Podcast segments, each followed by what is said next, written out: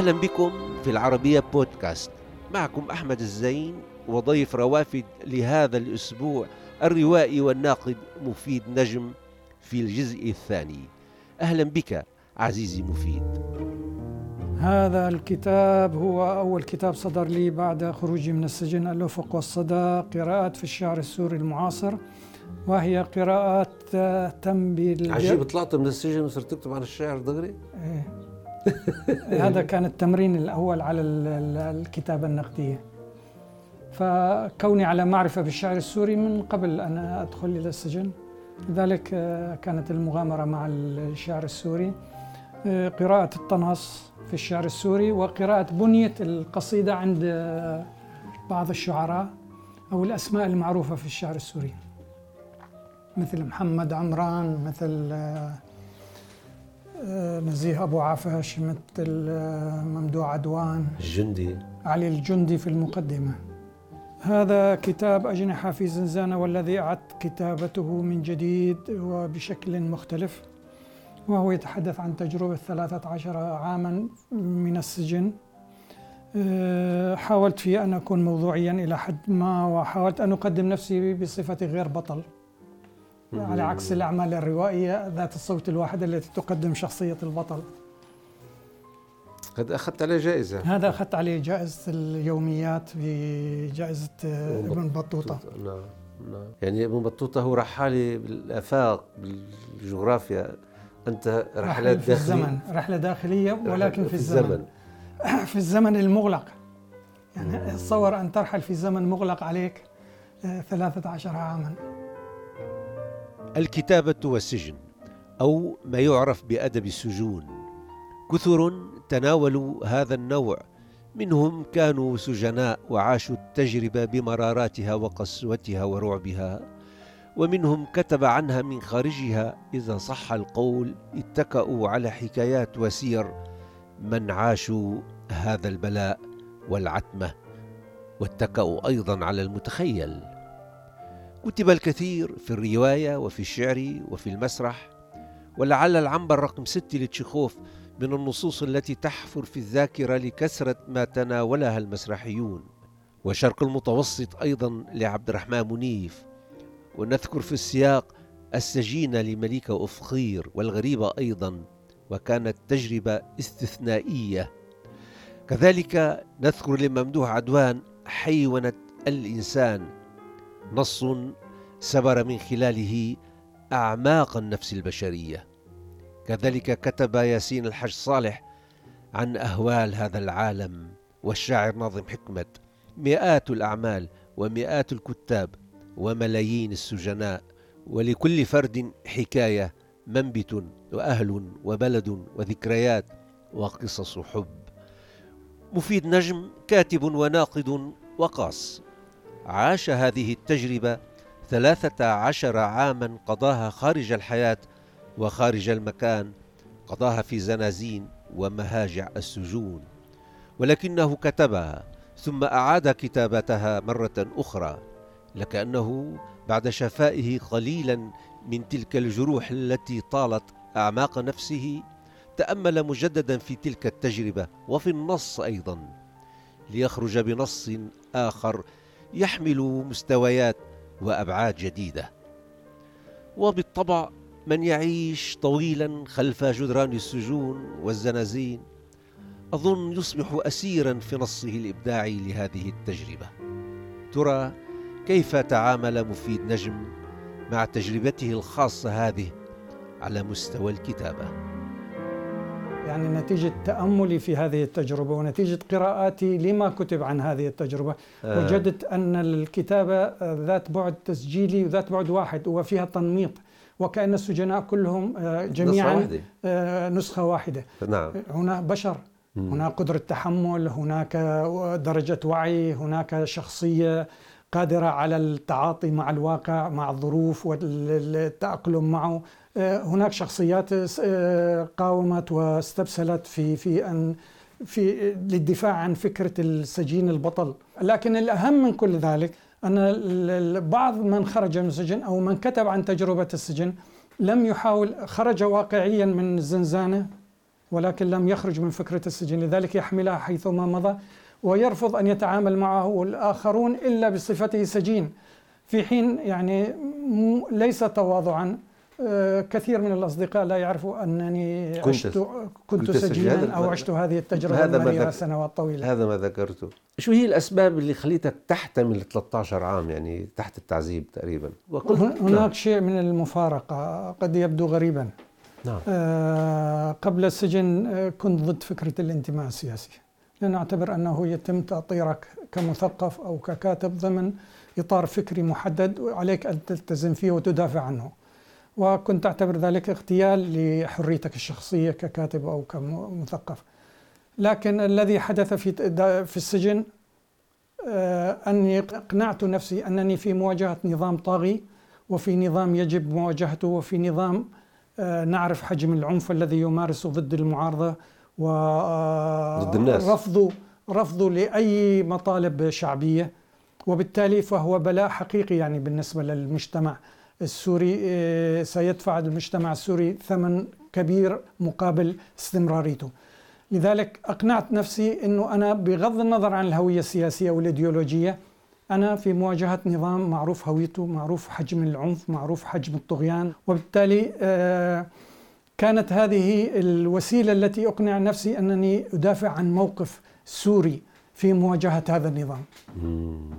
وليس موقف آه، فكري أو إيديولوجي أو سياسي. لا أنا أدافع عن موقف سوري في مواجهة نظام طاغي حول البلد بشكل عام إلى مزرعة له ولأصحابه ولمريديه وأصبح عبارة عن آه، آه، إله على الأرض على الناس أن تعبده وأن تقبل بكل ما يقوله. أنت 13 سنة أكيد شاهدت الكثير من الأهوال وبتعرف الكثير من الأصدقاء ربما منهم قضوا داخل السجن. نعم. أعرف آه، صديق حاول أن ينتحر.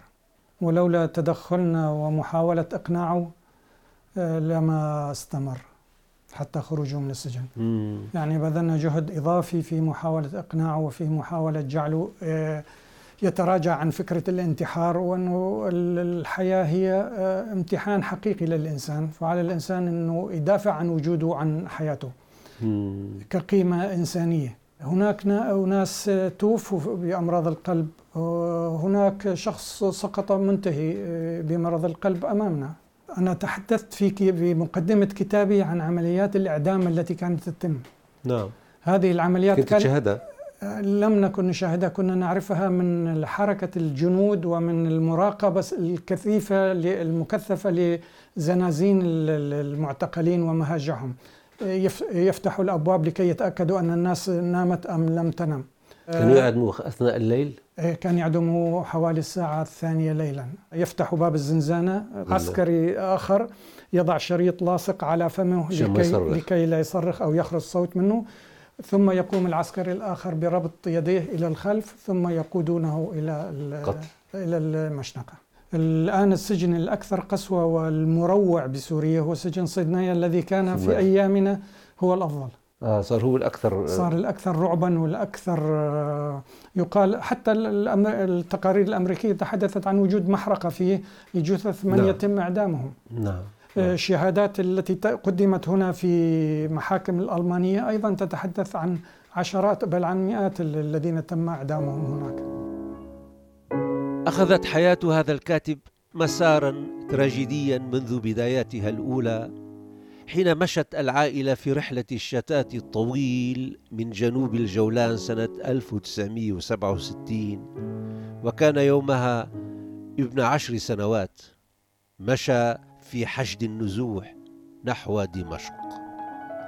لم تكن طويلة فسحة الهناء في دمشق حيث درس ودرس وكتب قليلا. يبدو كانت التهم جاهزة لمن مثله. أقفلت المدينة أبوابها وفتحت أمامه بوابات السجون. مفيد نجم طائر غريب. حين حاول التحليق مجددا بعد خروجه من السجن صار بجناح واحد بعد رحيل زوجته أحلام الفنانة وعازفة العود. يبدو أن كلاهما كان يؤنس وحشة الآخر. رافقها في درب جلجلة طويل لخمس سنوات. كانت كما يقول أكثر قسوة من زنازين الموت. والكتابة نعم لعل الكتابة وحدها تسعف على تحمل هذا الألم أو تخففه قليلا لكونها تأتي في مستوى ما شكلا من أشكال العلاج. هي بهالمعنى تأتي الكتابة كمان للنجاة أحيانا. يعني شوي تشفي كتبت هذا لتشفى قليلا. إلى حد ما وإن كان لا أخفيك عندما أكتب عن هذه التجربة أو أعيد آه، تدقيقها آه، ينتابني نفس الحزن الذي كنت أعيشه.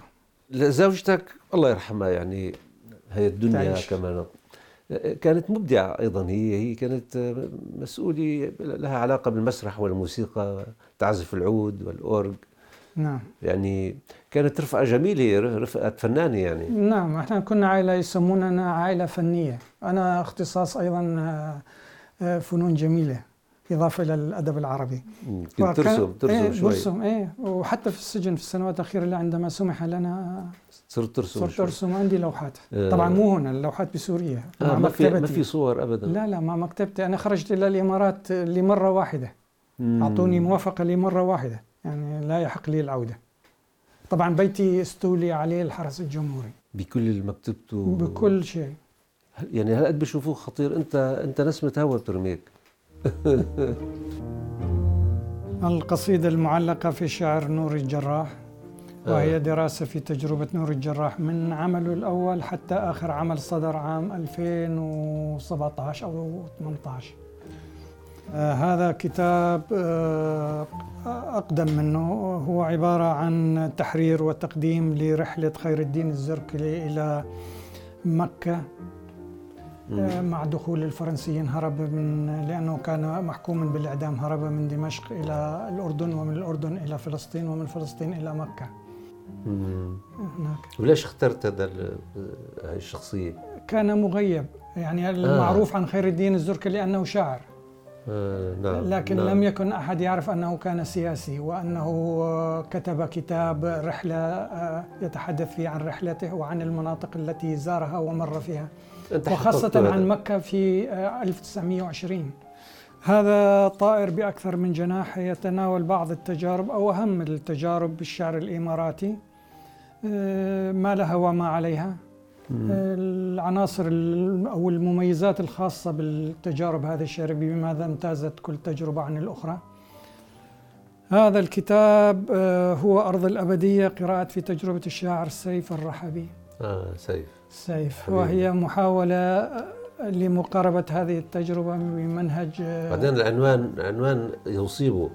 إيه هو آه يحكي عن مركزية هذه المكان مركزية المكان والجبال عن الجبال يعني الجغرافيا العمانية حاضرة بكل تفاصيلها وبكل دلالاتها أيضا. إيه من الشعراء القلائل اللي بيحكوا إيه عن الجغرافيا إيه. على فكرة. إيه يعني هو من أثث هذا المكان في في قصيدته بشكل كامل وواسع. بالرواية طبعا أنت قرأت في الرواية العربية كثيرا واليوم تبدو الرواية هي المساحة التي تتيح للكثيرين التعبير.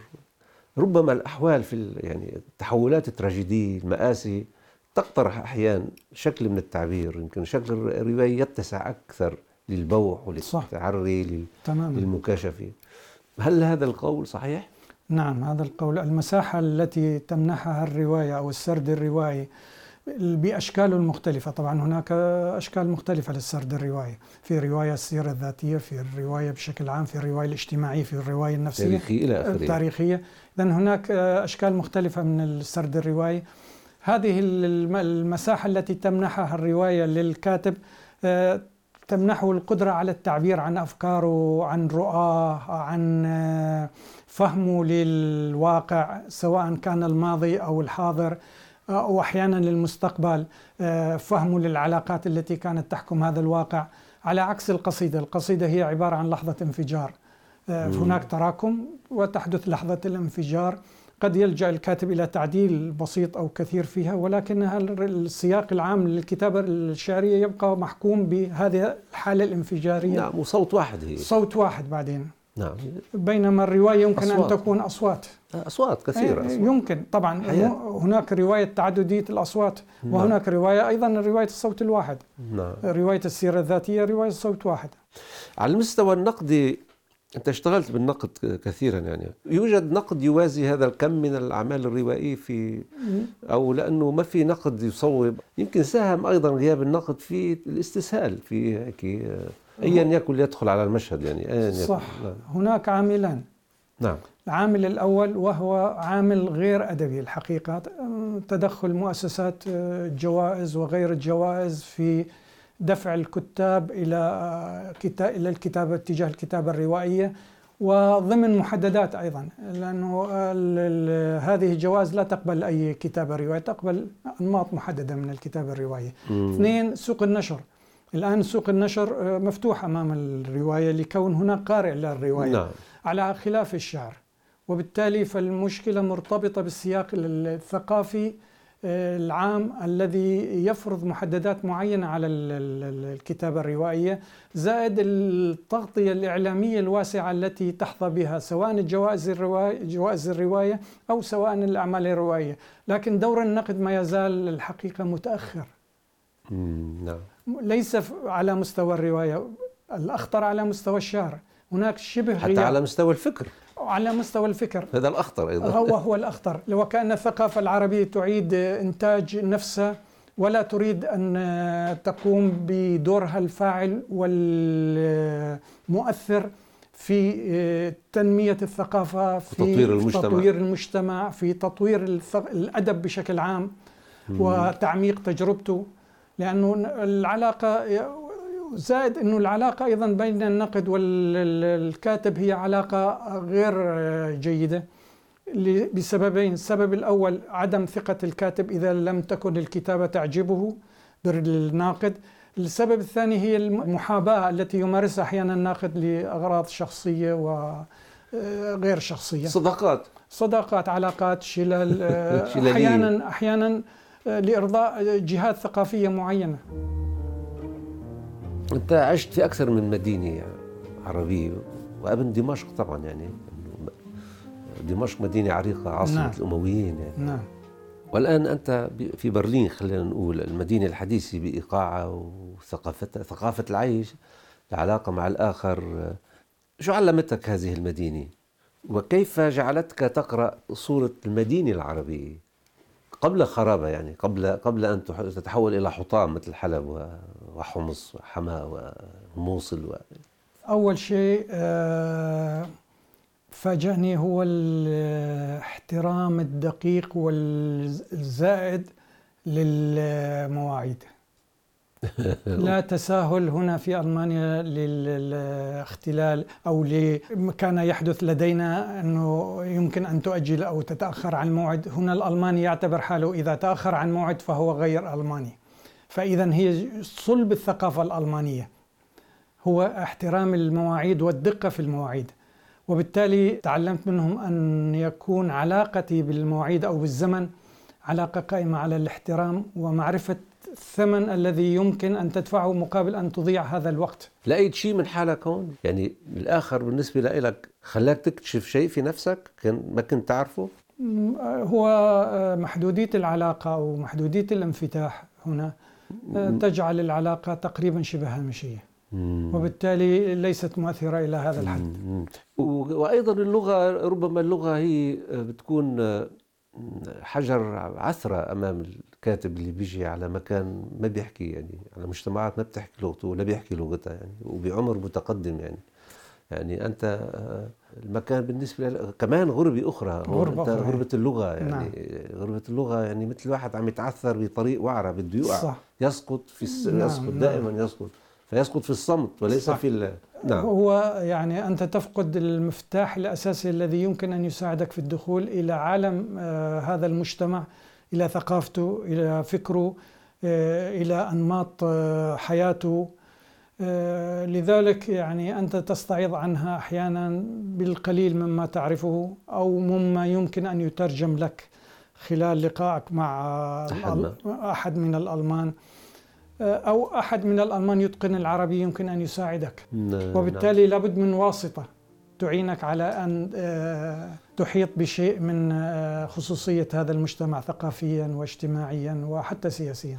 وناشط ثقافيا هون أنت إلى حد ما؟ آه، مش كثير قلت قبل قليل أني قضيت خمس سنوات ونصف مع في المشافي في, في المشافي. في المشافي. وسنة حتى تعافيت فمعنى ذلك لم يتح لي إلا ضاع القليل ضاع, إلا ضاع قسط آخر من العمر. أنت ثقافتك آه، انقطعت عن عن المعرفة فترة من الزمن آه، بحكم السجن. كيف قدرت تحصل ثقافتك وقراءاتك؟ عندما خرجت بقيت سنتين دون عمل. لأن أنا ممنوع من العمل. وعندما توفر لي عمل كان العمل مع الصحافة يعني قطاع خاص مع مع مع الدولة. آه، كان علي أن أحاول حرق الزمن. مم. هذه الفجوة الكبيرة التي عشتها حاولت أن أتجاوزها بكل ما أستطيع. كنت أقرأ في المقهى لما في انتظار صديق أو حتى لما أخرج وحيدا. أقرأ في الحديقة أقرأ في البيت. أه، حاولت أن أقرأ بكثافة غير عادية. حلو. أه، وبالتالي حاولت أن أه، أطور ثقافتي وأطور أنماط الوعي التي كانت سائدة عندي. أنا أعود إلى مرحلة أه، ما قبل 13 عاما وبالتالي الثقافة تتقدم وتتطور يوميا. وعليك أن تحاول أن تحرق مراحل. تملأ هذا الفراغ. فراغ نعم بدك ت- فراغ. تقرأ نعم تعود. فبدك تقرأ. فحاولت أن أقرأ بكثافة غير عادية.